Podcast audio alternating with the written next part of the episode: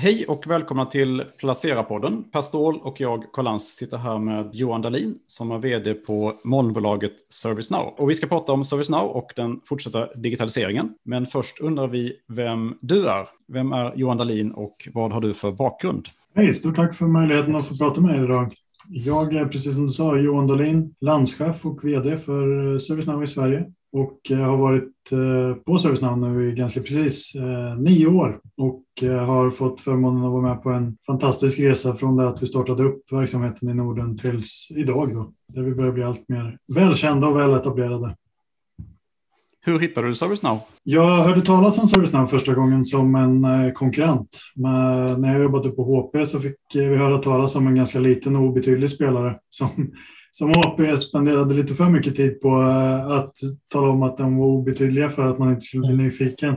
Men sen var det väl faktiskt så att det var ServiceNow som hittade mig. Så det var en klassisk eh, rekryterarsamtal från London och eh, som jag väl inte gjorde speciellt mycket av till att börja med. Men eh, jag och min gode vän vid den tidpunkten, Henrik Kronebäck, spelade mycket badminton tillsammans. Vi började prata om att eh, det där verkar intressant och började undersöka bolaget och bestämde oss för att det där, det där var någonting som vi borde göra tillsammans och eh, dra igång då och hjälpa till att köra igång eh, ServiceNows verksamhet i Norden.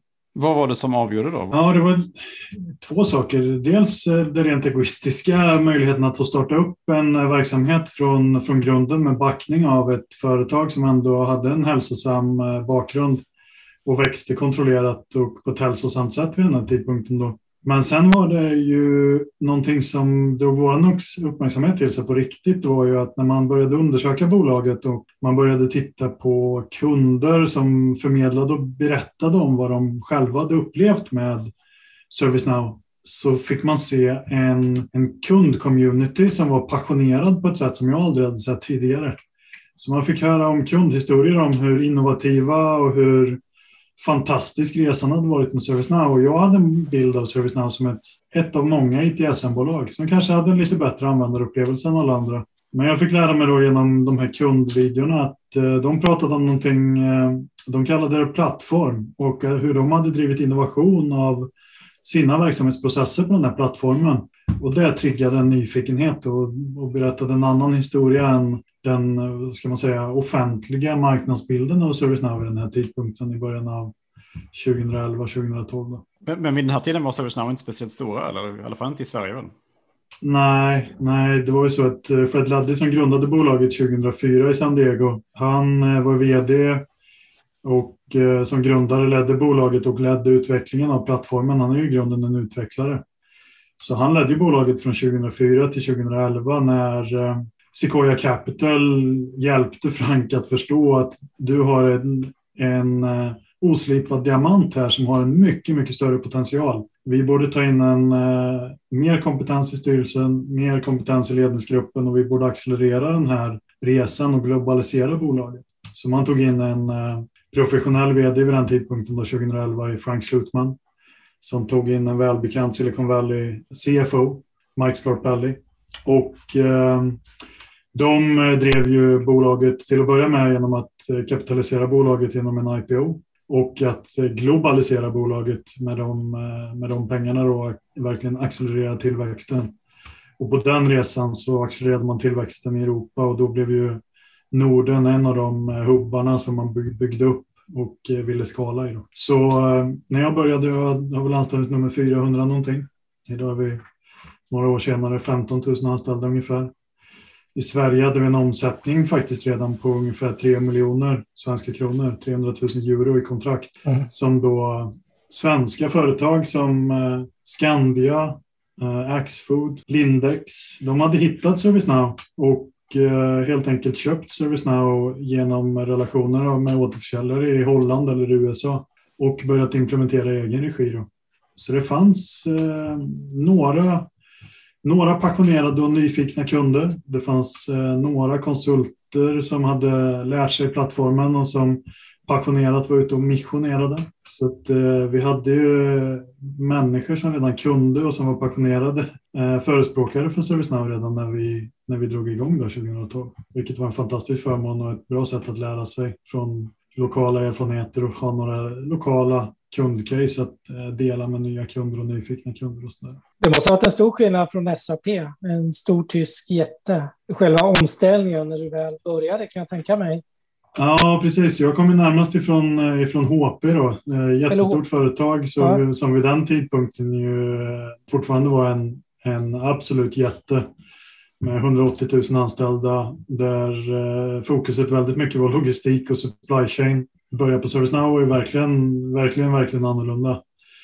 Jag jobbade ju i en eh, liten grupp av molnevangelister eh, på HP så vi tyckte ju att vi, det där kunde ju HP ganska bra. Men det var något helt annorlunda att komma in på ett företag som var fött i molnet och som aldrig har någon legacy eller jobbat med någonting annat. Utan från dag ett byggde hela bolaget, kulturen och servicen till kunder baserat på att det ska vara friktionsfritt att använda plattformen och att vi tar hand om all komplexitet och kunden nyttjar plattformen och realiserar värdet. Och det där lyckades man med tidigt att göra på ett väldigt smärtsamt fritt för kunder.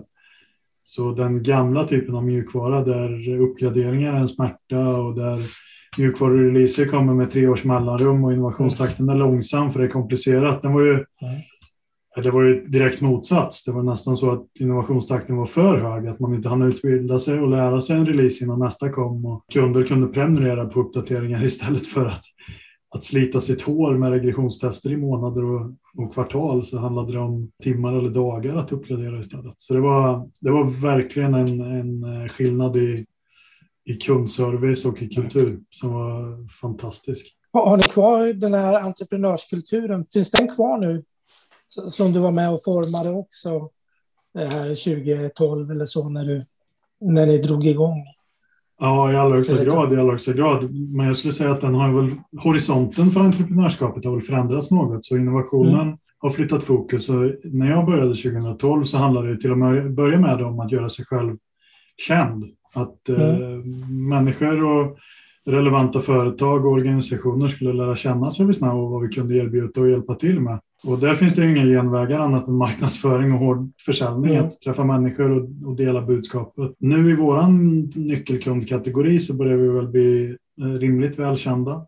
Men vad som hände 2014-15 var att vi gick egentligen från att vara ett singelproduktbolag till ett multiproduktsbolag när vi började lansera lösningar för, för HR och för säkerhet och för andra delar av en organisation där vi då börjar stödja nya funktionella domäner och där plattformen verkligen kommer till sin rätt genom att kunna bygga och automatisera crossfunktionella workflows i en organisation och bryta ner de traditionella organisationssilorna. Och det var ju en ny, kan man säga, innovations och entreprenörshorisont då att eh, komma utanför IT, börja prata med, med HR på HRs språk och säkerställa att HR fick eh, det värde och det behov tillgodosett som man behövde och inte bara en en IT-lösning som IT tyckte att den skulle se ut, utan att det var verkligen en HR-lösning och en finanslösning och så vidare. Och den nya innovations och entreprenörshorisonten just nu då, den, är ju, den rör ju till att vi just nu då jobbar på att utveckla och driva innovation inom eh, industrivertikaler. Digitaliseringen och den digitala transformationen ställer helt nya krav på olika branscher och olika branscher eh, påverkas på olika sätt. Disney Plus och streamingtjänster som Netflix har förändrat hur, eh, hur broadcasting och tv fungerar. Subscription-tjänster som Uber och Bolt förändrar hur taxinäringen fungerar. Och det där är sånt som vi som konsumenter ser. Men business to business eh, affärsmodellerna förändras också. Volvo säljer eh, logistiklösningar till städer i Kina och eh, Europa och Nordamerika. Man säljer mindre bussar och lastbilar. Så prenumerationstjänster, eh, värde och utgångsbaserade affärsmodeller är en naturlig del av den digitala transformationen. Och där är vi högst eh, innovativa i att säkerställa att vi har workflow-lösningar för att stötta de här nya affärsmodellerna och den, de nya värdekedjorna som formas. Hur pass viktiga är förvärv för ServiceNow? Nyligen, om det var i veckan eller förra veckan, annonserade ni ett, ett, ett, eh, ert senaste förvärv. Mm. Lightstep, hur, hur, viktigt är det för att få innovation eller är det för att komplettera? Det där är en viktig strategifråga faktiskt. Och som det har varit hittills då så har ju ServiceNow vi pratar ju om att vi har en plattform, vilket är eh, viktigt i det här sammanhanget då för att workflows och automatisering ska vara verkligen eh, sömlöst. Så istället för att göra förvärv där vi ställer en ny applikationstack på sidan av alla andra applikationsstackar som vi har. När vi gör ett förvärv så har vi en, en lite längre horisont på de här förvärven. Så att vi köper teknologi och IP och sen så bygger vi om den här teknologin och IP på vår plattform. Så vi är ganska restriktiva med förvärv. Vi har relativt sett små och superinnovativa förvärv och sen bygger vi om det med hjälp av de här, eh, ofta grundarna och nyckelutvecklarna på vår plattform. Därför att det som händer då är att de här komponenterna som till exempel då Robotics-företaget som vi köpte för bara en månad sedan. Den funktionaliteten, Robotics-funktionaliteten som en komponent i plattformen gör att alla applikationer på plattformen kan eh, ta del av det här värdet. Då. Vilket gör att HR-lösningen blir bättre, kundservicelösningen blir bättre, säkerhetslösningen blir bättre. På samma sätt som när iOS kommer med nya uppdateringar så kan alla applikationer ta del av den nya funktionaliteten på plattformen. Så blir samtliga applikationer som våra kunder prenumererar på bättre. Och på det sättet så får vi en exponentiell utveckling på innovationen genom att vi stöttar alla de här användningsfallen som finns på plattformen. Förvärven är kompletterande. Mm. Och eh, hittills till dags datum så har vi inte gjort något eh, fristående stort förvärv som skapar den typen av integrationsproblem som vi ser på våra kollegor i branschen där man eh, ställer upp en ny applikationstack vid sidan om och så sker integrationen på PowerPoint snarare än i verkligheten. Utan eh, vi håller oss väldigt nära våran, eh, vårat ursprung och säkerställer att allting fungerar sömlöst på plattformen. För det, det är små innovativa bolag som adderar värde till er plattform. Det är vad det handlar om när ni, när ServiceNow leta förvärv. Precis så. Eh, jag tänkte bara, jag vet inte vad jag händelser för, men jag tänkte, du, du nämnde att eh, ni omsatte 300 miljoner kronor i Sverige 2011 om jag inte har fel siffra. Eh, två, två nollor för mycket. Tre miljoner ungefär var det 2011. Var tre miljoner? Tre miljoner svenska kronor. Okej, okay. och vad gör ni nu tio år senare då? Hur har den här resan varit? Ja, men precis. Så eh, på global basis omsatte vi vid den tidpunkten 200 miljoner dollar ungefär nu då är guidance för det här året 5,2 eh, miljarder dollar. Vi, vi rapporterar inte enskilda länders eh, mm. omsättning i detalj, men vi har väl eh, ungefär 300 gånger omsättningen i dagsläget då i Sverige. 300? Och, eh, ungefär samma typ av utveckling då i, res, mm. i, i, de andra, i de andra nordiska länderna. Så från en väldigt ödmjuk början så börjar vi nu få en, en verksamhet som börjar bli, börjar bli signifikant. Hur ser konkurrensen ut? Vilka är era liksom värsta konkurrenter just nu? Ja, precis. Det är en svår fråga eftersom vi har en plattform som täcker många användningsfall. Och som, eh, så om man frågar vår ledningsgrupp så tror jag man får ett sätt av svar där vi har väldigt mycket co-opetition. Så våra konkurrenser är också våra partners på en teknologifront. Så eh, några av våra absolut starkaste partners som Microsoft och SAP, de konkurrerar vi från tid till annan med också. Eh, men i den här digitala transformationen som pågår just nu där kunderna är kungar och, och, behöver så mycket hjälp så, så är det väl lite så att vi alla vinner just nu på den här vågen. Och så på, på världsbasis så, så skulle jag säga att vi inte har speciellt mycket konkurrenter på... Det finns, inga, det finns inget företag som gör exakt det ServiceNow gör.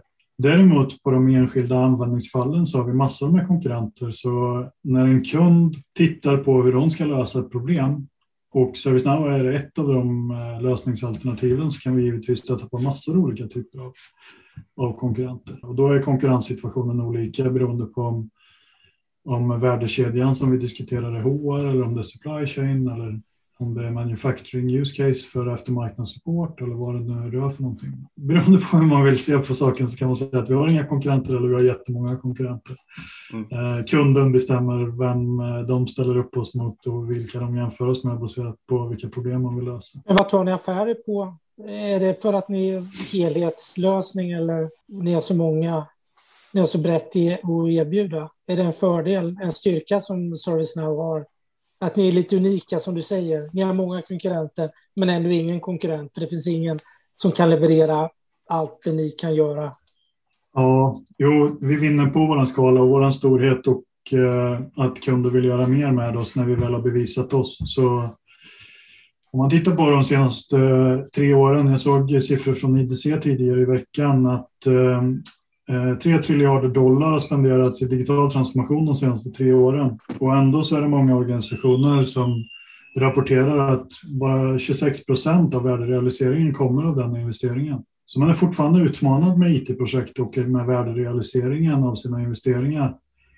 Och vi ser att fortfarande väldigt mycket av de här investeringarna går in i eh, små punktlösningar som ska integreras med befintlig historik och befintligt systemlandskap. Och man har utmaningar med värderealiseringen. Där är det väldigt många organisationer som tittar på att i strategin ha ett antal hörnstenar i sin Enterprise-arkitektur som gör att man bettar på ett, ett fåtal plattformar för att realisera mer av värdet i istället. Och att eh, få bort mycket gammal historik och gamla teknologilösningar och modernisera landskapet. Då. Och där eh, finner man väldigt ofta lösningar som, eh, som oss, eh, ServiceNow, Microsoft. Man hittar Salesforce, man hittar Workday, man hittar eh, flera av våra konkurrenter i branschen och våra kollegor i branschen. Och organisationen brukar eh, kommunicera en strategi att försöka att samla så mycket Eh, last och så mycket av arbetsflödena och värderealiseringen som möjligt på tre, fem, tio plattformar. Så, så på det sättet så, så vinner vi tack vare vår skala, tack vare att kunder har fått bevisat värde av oss tidigare. Man vill fortsätta att rida på den kompetensen man har. Man vill fortsätta att realisera det värdet för nya användningsfall. Men sen tror jag också vi vill Eh, vi tror själva att vi vinner också på att vi är, i många fall, eh, trots att vår bredd, så har vi också ett djup i våra lösningar. Så vi vinner compliance och integration, integrated riskaffärer baserat på att vi är bästa lösningen på det området idag.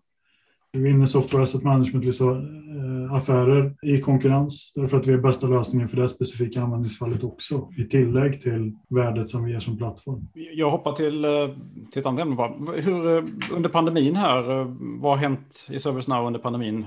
Dels hur, vad, hur har den slagit mot er eller hur har ni gynnats av det och vad har ni gjort internt så att säga under pandemin? Ja, internt så tror jag det första som hände var precis eh, samma sak som hände i alla organisationer i världen. Det var väl att vi, eh, vi såg över våra samverkansmöjligheter givetvis. Det första som hände i, i februari-mars förra året var att vi var tvungna att se över hur ska vi fortsätta samverka? När, när, när stänger vi våra kontor och hur skyddar vi våra medarbetare? Så det var väl det första som hände givetvis i mars, precis som i alla organisationer, att man, man väldigt tidigt och snabbt fattade beslutet att vi måste börja med att skydda våra medarbetare och familjer. Vi eh, stängde kontor andra och tredje Första, andra, och tredje veckan i mars så stängde vi kontor runt omkring hela världen för att, för att skydda alla våra anställda. Det följde ju därefter eh, att säkerställa att vi kunde samverka. Zoom, Teams, SharePoint, att säkerställa att vi hade alla verktyg som vi behövde. behövde. Miro för den digitala whiteboarden när vi inte kunde stå runt en whiteboard längre och alla typer av samverkansplattformar sågs över, licensierade, säkerställde att alla hade access, utbildningar. Så eh, säkerställde att vi kunde hålla produktiviteten. Parallellt med det så fick vi givetvis eh, mycket frågor ifrån våra kunder hur våran hur vår disaster recovery-plan såg ut. Hur kan vi garantera driften av tjänsten? Vilket vi givetvis kunde göra och vi har haft en solid drift under, utan avbrott under, eh, genom pandemin. Och eh, sist men inte minst då, tillväxtmässigt så har ju då företag när man har sett att produktiviteten inte hämmas av att folk jobbar hemma. Folk och medarbetare eh, kan vara produktiva, kan vara innovativa, Eh, det går att driva projekt även i, även eh, i det här klimatet. Så har ju den digitala transformationen snarare ökat än att hålls tillbaka. Så eh, vi som organisation har väl större efterfrågan än vad vi någonsin har haft tack vare det.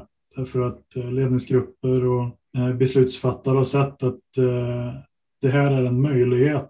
Alla har öppnat sinnet för digitaliseringen. Alla är redo för förändringen och eh, många accelererar då sina, sina digitaliseringsresor, vilket, eh, vilket gör att vår efterfrågan är eh, starkare och större än någonsin. Jag läste i senaste rapporten här att framförallt är det i Europa som tillväxten har tagit ordentlig fart, första kvartalet i alla fall, jämfört med första kvartalet förra året. Är, är det för att Europa kanske legat lite efter också? Eller hur, jämfört med USA i alla fall?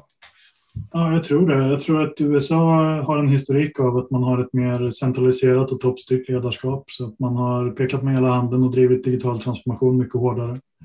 Jag tror att pandemin har gjort att man inser att eh, man inte har råd att vänta. Och ledningsgrupper har varit väldigt mycket mer exekutiva i sina beslut att driva på den digitala transformationen. Så att, eh, det tror jag absolut är ett element av det. Det är nog, eh, det är nog en korrekt analys tror jag. Och när du ser framåt här, eh, alltså tillväxt framöver, kommande åren, då är det framförallt inom industrin om jag förstår det rätt? Där du ser att det kommer hända mycket? Ja, precis olika vertikaltillämpningar. Så eh, finansiell sektor, lösningar för att säkerställa att uh, automatisera, om man pratar om middle office inom, inom bank och finans, att uh, digitalisera och hjälpa tillverkande industri, hälsosektorn. Vi kommer med lösningar inom industrivertikaler som blir nästa horisont av innovation här nu då. Så det är vad ServiceNow jobbar hårt på i termer om produktinnovation för tillfället och för att stötta våra kunder ytterligare på sin digitaliseringsresa. Mm.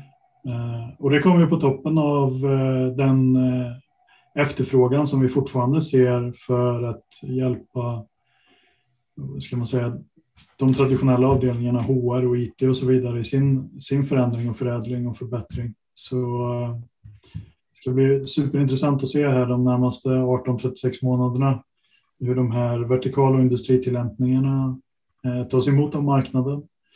Vi har haft några eh, tidiga fram, framgångar redan då med, jag nämnde Disney Plus tidigare och andra, andra exempel då. Så det ska bli superkul att se hur vi kan eh, driva mer innovation tillsammans med våra kunder på den fronten. Vi har ju några fantastiska bolag i Sverige. För att vara ett så litet företag så är det fantastiskt att kunna ha bolag på världsscenen som H&M och Volvo och Ericsson som vi kan jobba tätt och nära och bedriva innovation tillsammans med. Så det ska bli superkul att se vad vi kan åstadkomma tillsammans. Jag kan tänka mig också att inom banksektorn där som du nämnde att eh, där finns det säkert mycket pengar och tid att spara på och förbättra processerna inom middle och backoffice. Absolut, i allra högsta grad.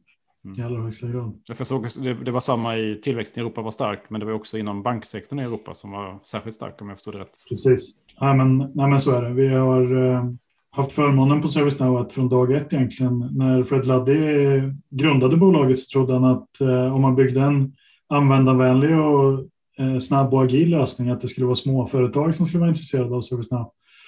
Men det visade sig att den typen av problem som han löste eh, var ju ännu större i storföretag. Så några av våra finanskunder har varit kunder sedan väldigt, väldigt länge. Så Deutsche Bank, eh, Citigroup, eh, Barclays och så vidare har, de har varit kunder sedan, väldigt eh, långt tillbaka i tiden. Så kunder som vi jobbar väldigt nära. Och det är kunder som mår bra och växer fortfarande. Så att, vi har förmånen att få växa med dem. Jo, jag tänkte bara, du sa en intressant sak. att Ni, drev, ni verkar jobba tätt nära de stora kunderna du pratade om. Eh, Volvo, du nämnde H&M och några. Och ni driver utveckling, innovation. Eh, ser ni er som en, liksom en, en, ni är en partner också? Alltså man ska driva utveckling. med Är det så eh, ni behåller kunderna och får en djupare samarbete genom att ni driver innovation tillsammans? Eller hittar lösningar tillsammans? Är det lite ett signum för bolaget, om du förstår vad jag menar? Att ni verkar väldigt tätt med era kunder? Ja, men det, så, är det, så är det absolut. Vi har, eh, vi har ju förmånen att få jobba med några av världens största och mest innovativa företag. Så eh, i, i grund och botten så är ServiceNow en no-code, low-code-plattform för att utveckla eh, workflow-applikationer. Det är basen eh, som vi utvecklar våra applikationer på och det är också basen som kunder kan utveckla egna applikationer på. Så väldigt ofta så utvecklar kunder applikationen själva eller tillsammans med partners eller i samverkan med oss. Och sen under den resan så inser vi och, vi och kunden inser att det finns potential i den här utvecklingen och applikationen och kunder ber oss att produktifiera och kommersialisera det här. Så att istället för att de ska sitta med utvecklingen och behöva underhålla det här så, så tar ServiceNow in IP och Eh, kunderna, den aktuella kunden prenumererar på innovationen istället. Och sätter sig istället i en rådgivande och designroll tillsammans med oss. Då. Så det är, historiskt sett så har väldigt mycket av vår utveckling bedrivits på det här sättet och den bedrivs fortfarande på det här sättet. Så när jag pratar om de här vertikala industrilösningarna för bank och finans och för tillverkande industri så sitter våra kunder i våra designråd och är rådgivande i den här utvecklingen innan vi ens har släppt produkter. Så den, eh, den samverkan som sker på, på rd sidan är otroligt viktig för oss. Och den kommer andra kunder till gang, så det blir som ett stort nätverk bland alla era kunder. Eller ni blir hubben, men det ni får in från en kund och gör bra kan ni använda på någon annan. Är det så jag ska förstå det? Precis, precis så. Och sen så har vi olika sätt att dela det på. Så det finns en, det finns en kommersiell del som vi, där vi kommersialiserar produkter och tjäna pengar på de produkterbjudandena genom att sälja det till flera andra inom samma vertikal eller inom samma lösningsdomän. Men det finns också en community där man delar IP och delar applikationer och delar kompetens gratis i mer av en open source-anda. Mm, mm. Så om man går in på share.servicenow.com så kommer man att hitta saker som vår utvecklar-community delar eh, mellan sig. Och vår community är otroligt stark i att dela kompetens och kunskap. Så där finns det hundratals och tusentals eh, best practices och applikationer och så vidare som, eh, som föder andra idéer och som föder ett, ett nätverk av innovation. Mm. Jätteintressant att höra. Man, man hör andra typer av bolag som är sprungna lite som ServiceNow i tidigt 00-tal. Det finns likheter även om det vi pratar hårdvara. Taiwan Semiconductors är lika, vad jag förstår, de är också liksom en speaking partner till, till Apple när de ska designa chip och hela det här. Så det, det känns som hela, även mjuk som hårdvara, att det är ett mer nätverksbaserat eller öppet, eh, som du säger, en open source, eller tillsammans så bidrar man att lösa problem. Exakt så. Vi har väl bästa exemplet på crowdsourcing någonsin kanske i nutid när vi utvecklade ett vaccin på snabbare än vad någon trodde var möjligt tack vare crowdsourcing och tack vare forskare som delar framsteg och delar kunskaper. Eh, så att eh, det är väl onekligen eh, någonting som en, en, en kultur av innovation som jag tror man ska uppmuntra. Hur, hur mycket om pandemin, och vi bara backar lite, hur mycket den, du säger att det accelererar allt. Microsoft vd var ju väldigt ute för något år sedan knappt och sa att det har, gjort, det har gått två år liksom av det här bara på de här månaderna nu i utveckling. Delar du den synen också att det, det, ni säger att ni har så mycket kunduppdrag. Det hade tagit kanske både två och tre år att komma dit ni är med många.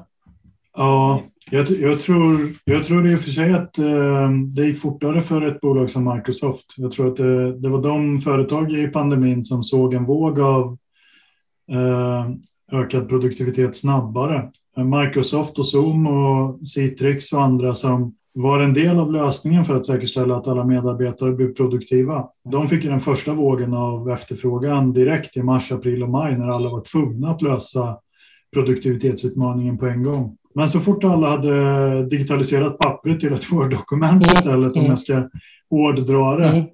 Då kommer nästa våg av behov i, den här produktivitets, eh, i det här produktivitetsbehovet och det var där vi kom in i bilden. Så jag skulle säga att vi hade från september förra året såg vi en explosionsartad efterfrågan. Innan det så var det snarare så att projekt avvaktade och att projektportföljer hamnade på paus därför att det var ett, ett behov att lösa runt produktivitet. Teams, Zoom, Citrix, VMware jag tror de hade det fantastiskt bra fram till eh, strax efter sommaren förra året och såg den första vågen av behov mm. runt digitaliseringen.